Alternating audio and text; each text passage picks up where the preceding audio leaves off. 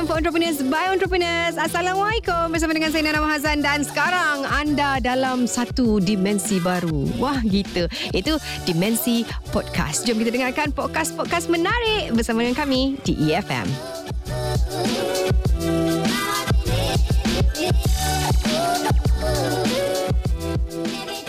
Uh, kalau kita tengok-tengokkan lah kan eh pelancongan ni mempunyai pelbagai maksud mengikut perspektif dan juga pandangan pihak-pihak yang terlibat sama ada secara langsung ataupun tidak dalam industri pelancongan. Uh, ini termasuklah pelancong tu sendiri, organisasi penginapan dan juga pengangkutan, organisasi pendidikan, pihak kerajaan dan sebagainya. Uh, dan salah satu prospek ataupun produk yang boleh menjana ekonomi adalah pelancongan sukan ataupun sports tourism. Uh, sebab kebanyakannya orang orang ni mempunyai hobi uh, dan dia orang terpaksa pergi ke sesuatu tempat untuk certain-certain hobi ataupun permainan ataupun sport yang mereka suka. Ha.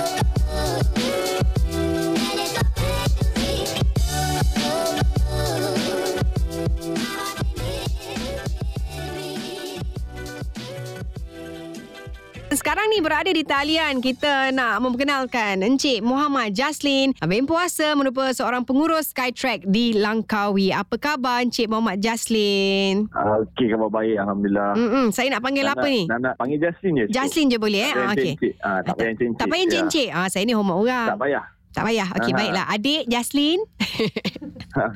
eh, tak payah adik lah. Jaslin je. Ah, Jaslin je. Okey. Eh. Ah, ah, ah. Tadi cakap apa tadi? Okey, Nana. Okey. Ah, apa yang Nana nak tanya tu? Apa Ah, saya nak tanya ni tu? macam-macam saya nak tanya ni. Duty free kat mana kat Langkawi yang paling murah? nak beli coklat. Mesti dah muak makan duty coklat kan? Banyak banyak banyak tempat duty free. Kalau kita kena pandai je compare kalau Mm-mm. dengan harga duty free yang ni dengan duty free tempat lain, Uh-uh. uh, which is mana lagi mana lagi ada biasanya kalau macam coklat lah dapat compare harga lah macam kurang 50 sen macam tu lah. Uh, sebab Ah, apa pandai bukan cari lah. ah bukan sebab apa tahu sebab tempat-tempat duty free ni merupakan satu tempat pelancongan juga. Orang semua ramai nak pergi berebas-rebas.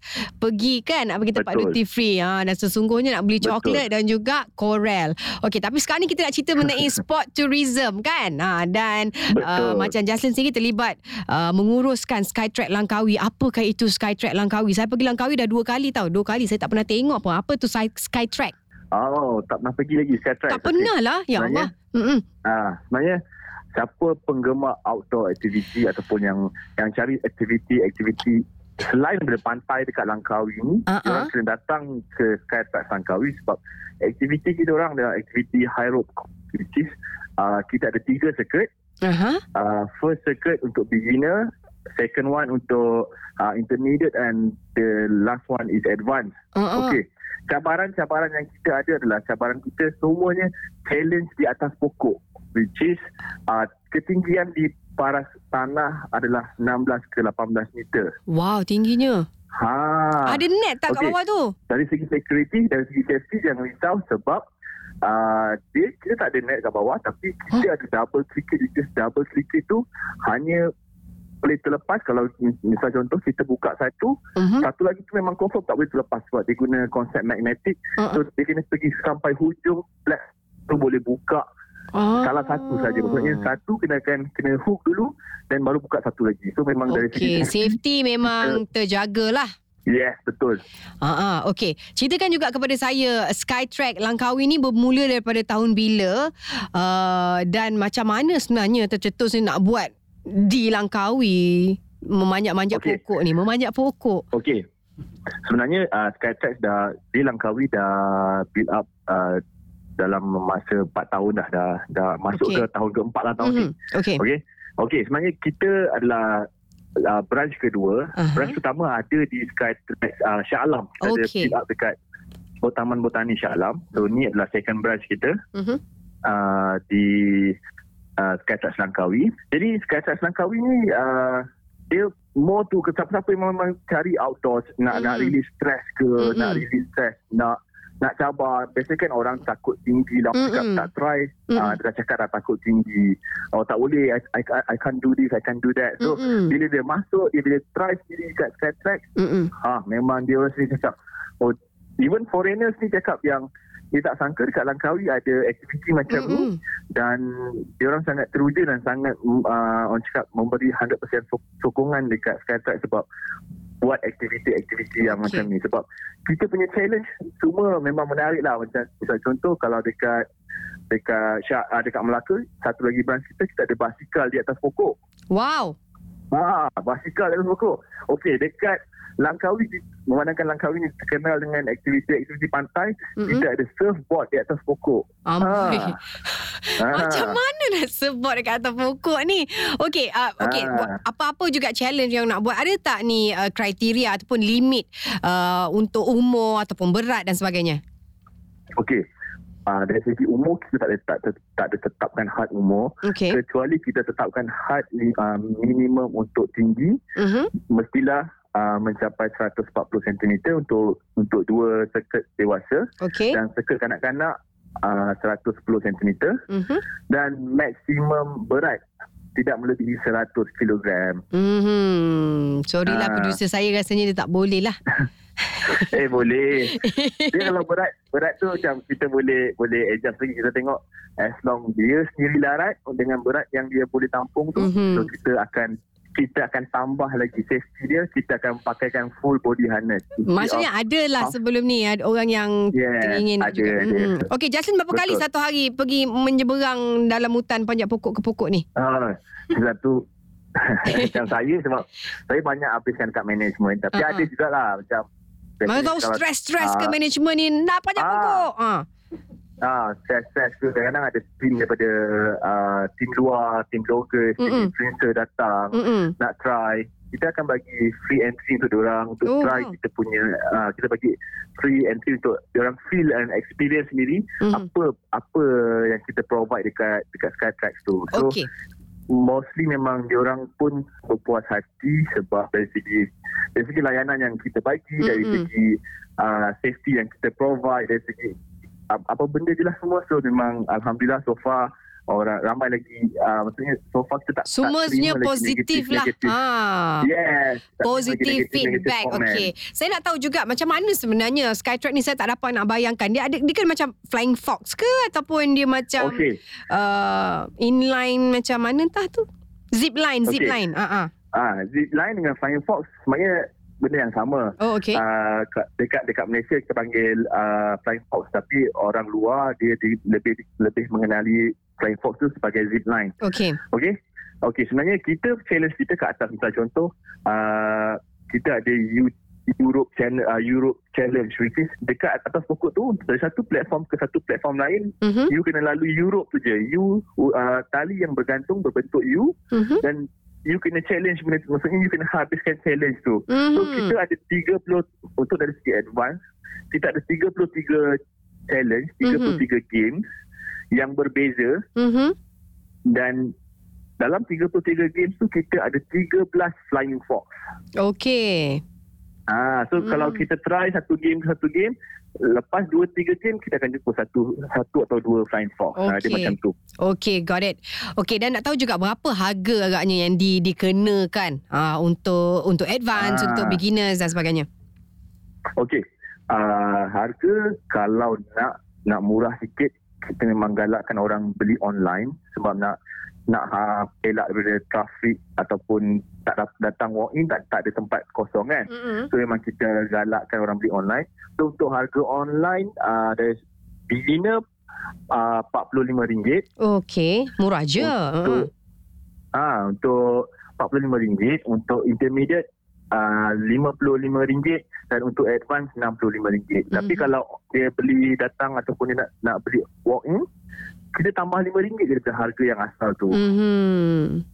Ah memang harga mampu milik lah orang cakap harga. Uh-uh. Uh, student, student Sebab- pun boleh Sebab kalau nak Boleh. fikirkan dengan pengalaman yang kita dapat dengan kita buat benda tu mungkin kita dapat overcome kita punya fobia kan kita boleh overcome kita punya ketakutan dengan pengalaman dengan kawan-kawan dengan nature dengan pokok dan sebagainya kan uh, itu Betul. tidak boleh dibeli dengan wang ringgit katanya ah betul sebab satu lagi Mhm. memang kita nak educate orang yang dekat luar sana yang cari something lagi-lagi uh, nature lover, Mm-mm. outdoor lover ni kan Mhm. datang ke tempat kita so dia boleh kita boleh educate sekali dengan nature which is kita, Mm-mm. kita memang kita build up kita punya park tu dalam hutan hutan semua jadi yang Mhm. ada banyak uh, uh, apa flora and fauna yang yang yang kita boleh dapat Mm-mm. yang tak dapat kat tempat lain ada kat Langkawi yang macam tu. Yes, that's very nice. Dan kejap lagi saya nak tanya juga macam mana sebenarnya sebab uh, Jaslyn memang ada di awal pembukaan Skytrack di Langkawi memang since day one ke masuk bila tahun bila? Oh, saya saya baru lagi management Langkawi ni Mhm. tapi uh, tapi alhamdulillah sebab walaupun saya dari KL cakap nak kena pindah ke Langkawi tu Mhm. macam boleh ke daripada hidup bandar masuk ke satu pulau yang Mm-mm. which is back to basic balik kan Mm-mm. tapi memandangkan sebab saya memang suka nature saya memang suka outdoor Mhm. So saya tak ada masalah pun untuk adapt dengan orang cakap dengan alam semua jadi dengan Mm. uh, kecantikan flora and fauna. Sebab kat sini kalau kita penat tengok hutan, Mm-mm. uh, kita boleh tengok laut. Mm-mm. So two in one. So memang this is what I want lah. Memang memang ni yang saya nak. Hmm, bagus. Okey, jangan main kabel car. Okey, kejap lagi kita akan kembali selepas ini di EFM for Entrepreneurs by Entrepreneurs. Awak tahu tak masa yang kabel car tergantung berapa jam tu saya ada kat sana tau. Oh serius lah. Tak Saya- nak try lagi ke ni? Saya tak pernah try kabel car tu saya tengok dekat atas. Kenapa lah orang ni pergi main kabel car? Lepas tu tiba-tiba kita buka radio tengok stranded kabel car kat situ. Iya, tu Lah, saya asyik baik aku betul, tak sebab- naik. Ah, Tapi memang kalau macam uh, angin kuat, memang dia akan berhenti tau. dia Dia bunti akan eh? stop. Eh, eh. Ah, dia akan berhenti. Kalau angin terlalu kuat kat atas, dia akan stop. Sebab dia nak nak stablekan balik. Ha ah, takut bagi kita main Ah. Skytrack je kan? Eh, try lah. Try. Nanti Ah, ah. Nana datang. Ha ah. Nanti Nana datang just bagi Nana try free sebab uh, mostly yang datang memang macam media ke Ha, ha. artis ke kita bagi free je Ya so ke? you guys boleh enjoy Yes, Ya, and nak betul. berlari kat situ. Nak berlari, lari, lari, lari. Apa agaknya keedah ataupun strategi marketing yang Skytrack lakukan bagi memperkenalkan sukan ni? Ha, tak ramai orang tahu sebenarnya. Ada dekat Langkawi dan ada di Hmm. beberapa tempat yang lain. Dan jenis sukan-sukan ni wujud sebenarnya di Langkawi. Apa agaknya kaedah pemasarannya? Uh, biasanya uh, kaedah-kaedah pemasaran yang kita buat uh, normally kita akan go to macam kita Skytrax buat iklan uh, billboard kita ada masuk semua iklan-iklan maps dekat Langkawi yang biasa dapat free maps Langkawi tu kita masuk iklan tu So Mhm. kita ada buat uh, advert dekat JT, dekat uh, mana? Dekat lapangan terbang, Mhm. dekat hot-hot spot dekat Langkawi. So kita kita go through dulu uh, billboard-billboard yang tu which is more to physical adver- advertising lah. Mm-mm. Memang orang nampak. Okay. Dan kita go kita buat juga uh, iklan through our social media. Social Okay. media kan sekarang memang tengah in Tengah trend. in. Betul. Ah, tengah trend sebab orang sekarang cakap je pasal social media orang akan orang akan go for Insta famous, orang akan go for Influencer. artis, orang yang Mm-mm. banyak followers. So that's why kita tengah berkolaborasi dengan some of bloggers, influencer, dengan Mhm. a few artis untuk datang kat tempat kita untuk try sendiri dan diorang boleh share diorang punya experience kepada followers-followers diorang. So bila direct one to one uh, influencer influence dia punya uh, followers Mhm. so orang sini akan akan akan start cari apa tu apa uh, Skytrax Langkawi ataupun Skytrax Skytrax lain Mhm. dan uh, kebetulan pula memang kita memang panggil blogger so dia orang boleh tulis uh, artikel-artikel yang menarik artikel-artikel yang uh, yang memang dia ada pengalaman sendiri. So selain orang boleh tengok daripada uh, influencer punya social media dia orang boleh baca juga write up blog-bloggers yang yang yang positif yang yang memperkenalkan Skytrax itu sendiri Yes, dan itu yang paling paling penting sebenarnya kan kalau kata feedback daripada Betul. orang yang telah mencuba tu, ah tu lebih power. Kadar keuntungan tu, pelancong yang datang tu adakah dari dalam negara luar negara uh, dan keuntungan tu bagaimana pula kalau nak tengokkan dari kadar setahun? Okey tak? Okey. Uh, kalau ikutkan pelancong memang kita akan macam Langkawi ni dia seasonal. Kena faham dia seasonal. Ada low season, ada high season dia. Mhm. So dari kalau, kalau low season memang kita banyak receive pelancong dari dalam negara je lah. Mhm. Dan kalau high season uh, kita akan receive customer dan uh, pelancong-pelancong dari luar negara dari sekitar seluruh dunia sebenarnya kita akan receive. Jadi uh, bila masuk ke low season memang kita akan dapat less less than 30 packs per day. Mhm. So kalau peak season kita boleh dapat more than 100 packs per day. So bila kita calculate balik kita punya average uh, kita punya average uh, margin untuk keuntungan dan Mhm. kita akan kita akan calculate mm, minimum yang kita kena receive per day adalah 32 orang Mhm. dan 32 orang tu kita boleh earn uh, 60,000 sebulan. So kali dengan Mhm. 12 bulan macam tu. Yes. Okey tapi kira, kiranya Ah. ada keuntungan lah kan? Betul ada Ah, keuntungan. So Kak- kita kita kena lebih sikit lah kalau macam contoh kita dah tahu kita kita melalui low season untuk tempoh 4 bulan pertama. Mhm. So kita kena all out untuk 6 bulan berikutnya kita time kita dapat peak season tu, high Mhm. season tu. Jadi kena Hmm. bila low season kenalah pandai-pandai berjimat menggunakan masa high Betul. season. Ha. Ah, okey, berapa Betul. ramai sebenarnya staff yang ada di di Skytrack Langkawi? Sekarang sekarang kita ada uh, 14 orang staff Mhm. uh, dan kita di divide by two actually tapi untuk staff technical yang yang mengekalkan maintenance uh, equipment Mhm. track tu semua kita Mhm. ada kita ada lima orang dan balance tu semua dari segi management dan juga operation operation Mhm. tu adalah geng-geng yang akan bawa sebab kita akan uh, divide lima customer kita dengan seorang instructor instructor kita ni akan take care of Mhm. kita punya customer yang akan jaga yang akan guide orang yang akan buat safety briefing dari awal sampai orang turun balik dengan rasa selamat Itu kena maintain juga kan sebab orang-orang yang menjaga maintenance untuk sukan-sukan Betul. lasak macam ni yang paling penting. Ah, Betul. gaji dia orang berapa katnya tu? Alamak gaji eh. Ha. Okey gaji dia average sebab kita memang dah tetapkan minimum uh, minimum gaji tu Mhm. memang kita dah buat. Mhm. Uh, kita Skytrack memang dah menitik beratkan tentang minimum gaji dan Mhm. mm mostly kalau pekerja biasa dia akan starting dengan harga uh, dengan gaji 2100 Mhm. Okay, not bad. dan ada Ha, dengan ada allowance-allowance lain. Mhm. Okey, kalau Jasmine boleh kongsikanlah pengalaman-pengalaman sepanjang menguruskan Skytrack ni. Okey, pengalaman eh. Pengalaman. Biasanya lah, customer ni kita akan jumpa pelbagai ragam. Macam-macam dia orang punya ragam ni kan. Mhm. Kadang-kadang ada customer tu, oh berani ni, awal-awal berani. Dah Mm-mm. pakai harness semua berani. Once dah naik atas, dah nampak je tinggi tu 18 meter daripada paras tanah. Wah, Mm-mm. mula gayat. Mhm. Mula menangis nak turun. Nasib baik memang kita, Ah. Nasib baik memang kita akan, kita setiap checkpoint kita, kita akan ada dua ke tiga checkpoint. Mhm. Kita akan ada chicken exit, kita akan ada emergency exit. Oh. We call that chicken exit sebab Tak Sebab- baik letak chicken exit. uh, macam mana Sebab akut sangat kau. habis. ha, tak habis kita call lah chicken kan Ah, uh, ah. chicken exit so actually sebenarnya uh, kita punya instructor akan cuba bagi motivation akan bagi Mm-mm. positif uh, motivation untuk orang untuk habiskan challenge tu sebab sebenarnya Mhm. most most of them yang ada juga yang takut mula-mula tapi bila dekat atas tu dia orang boleh overcome dia punya, dia punya ketakutan dia orang boleh overcome ketinggian semua so benda tu yang kita nak which is positive feedback daripada customer yang kalau sebelum ni dia takut Mm-mm. wow now dia dia berani ke atas and dia boleh habiskan walaupun ambil masa sikit tapi dia boleh habiskan so macam-macam ragam lah customer yang dia jumpa ada yang macam uh, Uh, dia dah biasa dengan stand-stand dia orang nak Hmm. buat kat atas tu tapi based on kita punya eh, apa pengalaman kita memang men- menitik beratkan tentang keselamatan Mhm. jadi memang kita tak benarkan lah dia orang dia orang buat uh, selain daripada apa yang kita ajar sebab keselamatan customer adalah kita punya tanggungjawab so kita tak nak ada kece- kecederaan ataupun kemalangan-kemalangan berat yang berlaku di tempat kita Mhm. uh, benda tu sendiri akan menjatuhkan uh, reputasi kita uh, Betul. sebagai outdoor recreation park uh. Mm-mm. Jadi itu yang lebih penting daripada kita nak nak puaskan hati customer dia bagi-bagi dia buat apa yang dia nak. Ha, apa kan yang dia nak buat tu nak jalan pakai tangan ke apa? Ah kan. Dia nak jalan pakai tangan lah, dia nak kelubang lah, macam-macam lah customer ni.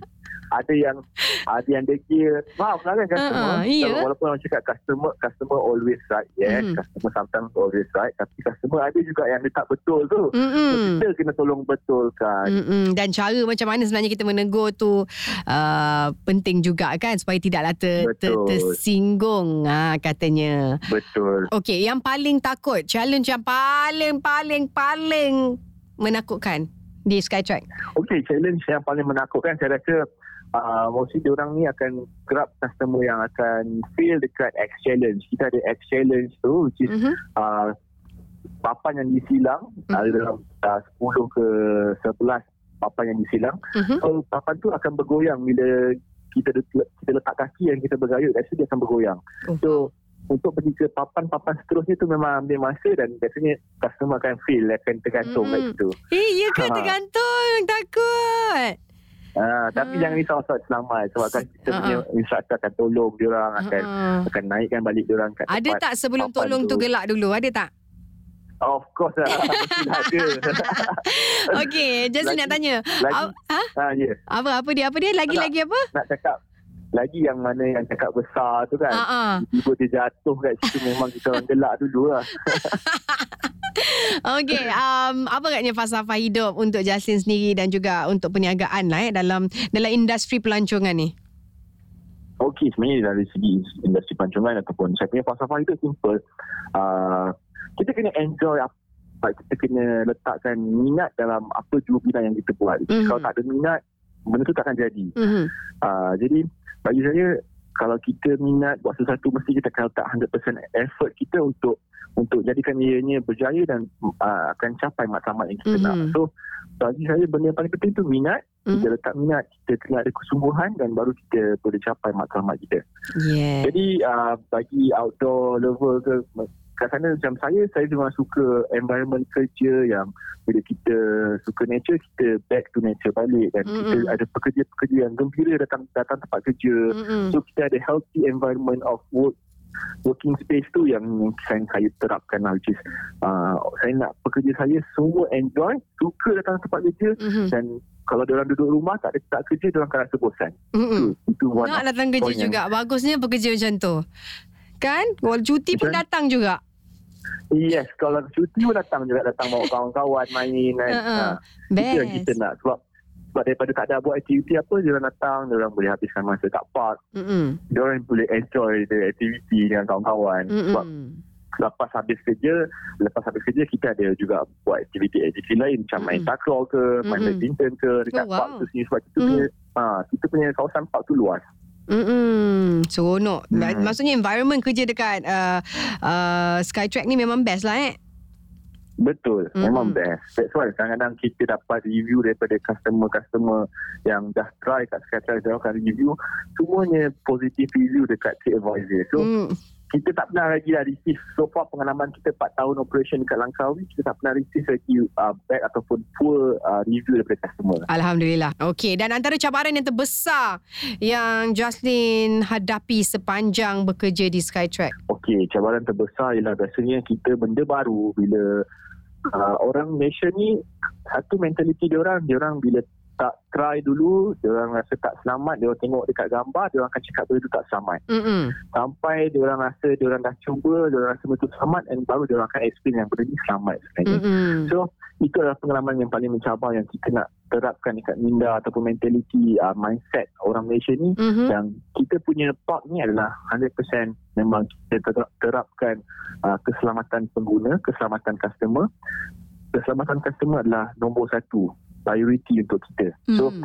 kat situ memang kita nak kita nak cuba sampaikan masa mula-mula kita kita bina park ni memang agak sukar untuk kita sampaikan benda tu message tu sebab orang akan cakap eh selamat ke benda ni orang akan Mm-mm. petikaikan selamat Mm-mm. ke benda ni selamat ke benda tu sampai dia orang cuba sendiri dan kita sampai kita explain ya, kita dah explain apa metik atau apa je equipment yang kita gunakan dari segi keselamatan dari segi safety harness and so on so kita dah explain kat dia dan baru dia rasa selamat so benda tu bagi saya cabaran lah sebab Yang terbesar lah sebenarnya Hmm. untuk convince Ah, orang, sebab- nak educate Ah, orang nak eh. convince orang, nak educate orang yang cakap, okay, you kena cuba. Tu tak, you tak boleh cakap yang benda ni tak selamat selagi you tak cuba. Betul tak? Mm-mm. Nah, so, so bila, dah tahulah, Hmm, makcik bawang dekat Malaysia ni kan banyak sangat. Ha, so, dia tak cuba, tak try lagi, dia cakap benda tak selamat. Dia kena cuba dulu. Bila dah Mm-mm. cuba, barulah kita boleh cakap benda tu selamat atau tak. So Mm-mm. benda tu memang cabaran paling besar untuk kita convince orang untuk datang tempat kita untuk try sebab Yalah, biasa kabar angin pun boleh tersebar dengan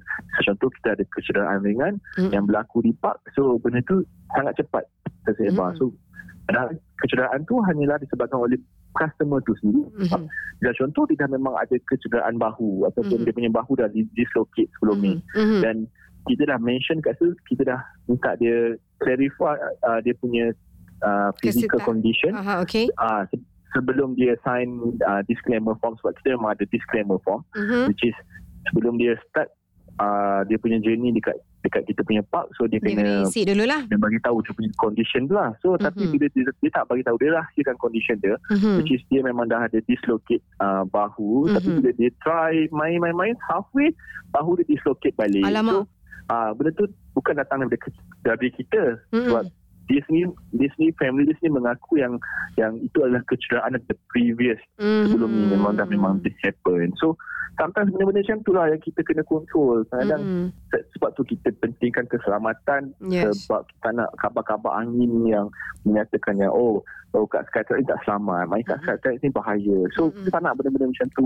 tersebar so Yes. memang kita biasanya kita educate orang kita convince orang dengan okay tak apa kalau you rasa tak selamat why not kita bagi you try free trial Mhm. you try dulu tengok benda ni selamat ke pun tak kita Yes. bagi yang beginner Itu yang so lebih bila baik kita- lah sebenarnya kan. Ha, bagi dia orang tengok Betul. dan rasa sendiri dan bau dia orang boleh tahu. Apa agaknya harapan Justin uh, sendiri eh untuk uh, bisnes ini, untuk sukan lasak ini sendiri. Okey, harapan saya semestinya saya nak uh, saya menetapkan satu uh, planning di mana Skytrax akan berada sama level dengan industri-industri player yang lain Mhm. which is uh, orang datang Langkawi, orang akan orang main target orang ada aktiviti pantai benda yang mesti dia orang cuba adalah Skytrax Langkawi. Itu Mhm. memang satu matlamat saya yang yang saya akan terap, terapkan dan insyaAllah saya akan saya akan jadikannya kenyataan mungkin. Mhm. InsyaAllah boleh, boleh, boleh. Ha, InsyaAllah, insyaAllah boleh.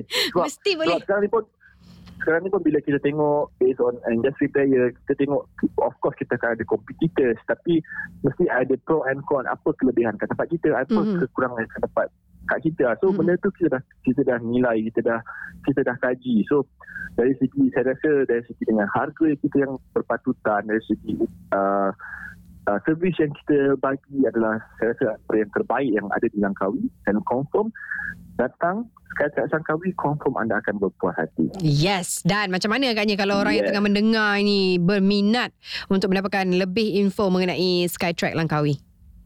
Okey, kalau nak dapatkan lebih banyak info boleh tengok dekat website kita www.skytracksadventure.com. Kat situ boleh beli uh, boleh booking uh, tiket secara online, boleh Mhm. tahu info-info tentang Skytrack itu sendiri apa permainan ataupun game-game yang akan mereka hadapi. So Mhm. semua info kita dah compile dekat website kita. So boleh direct pergi kat website, boleh purchase online. Kalau tak puas hati tak nak tahu lebih lanjut, kat website tu juga ada nombor phone setiap park. Boleh call directly manager-manager park tu. Alright, terima kasih Jocelyn atas perkongsian mengenai uh, sukan sukan eh sukan Skytrack ni sebenarnya uh, dan semoga Jocelyn sendiri yang menguruskan Skytrack ni lebih lebih berkembang maju insya-Allah ya. InsyaAllah. Terima you. kasih juga Nana kembali.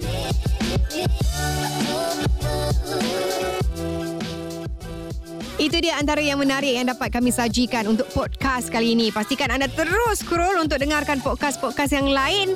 Tentunya menarik hanya di EFM for Entrepreneurs by Entrepreneurs.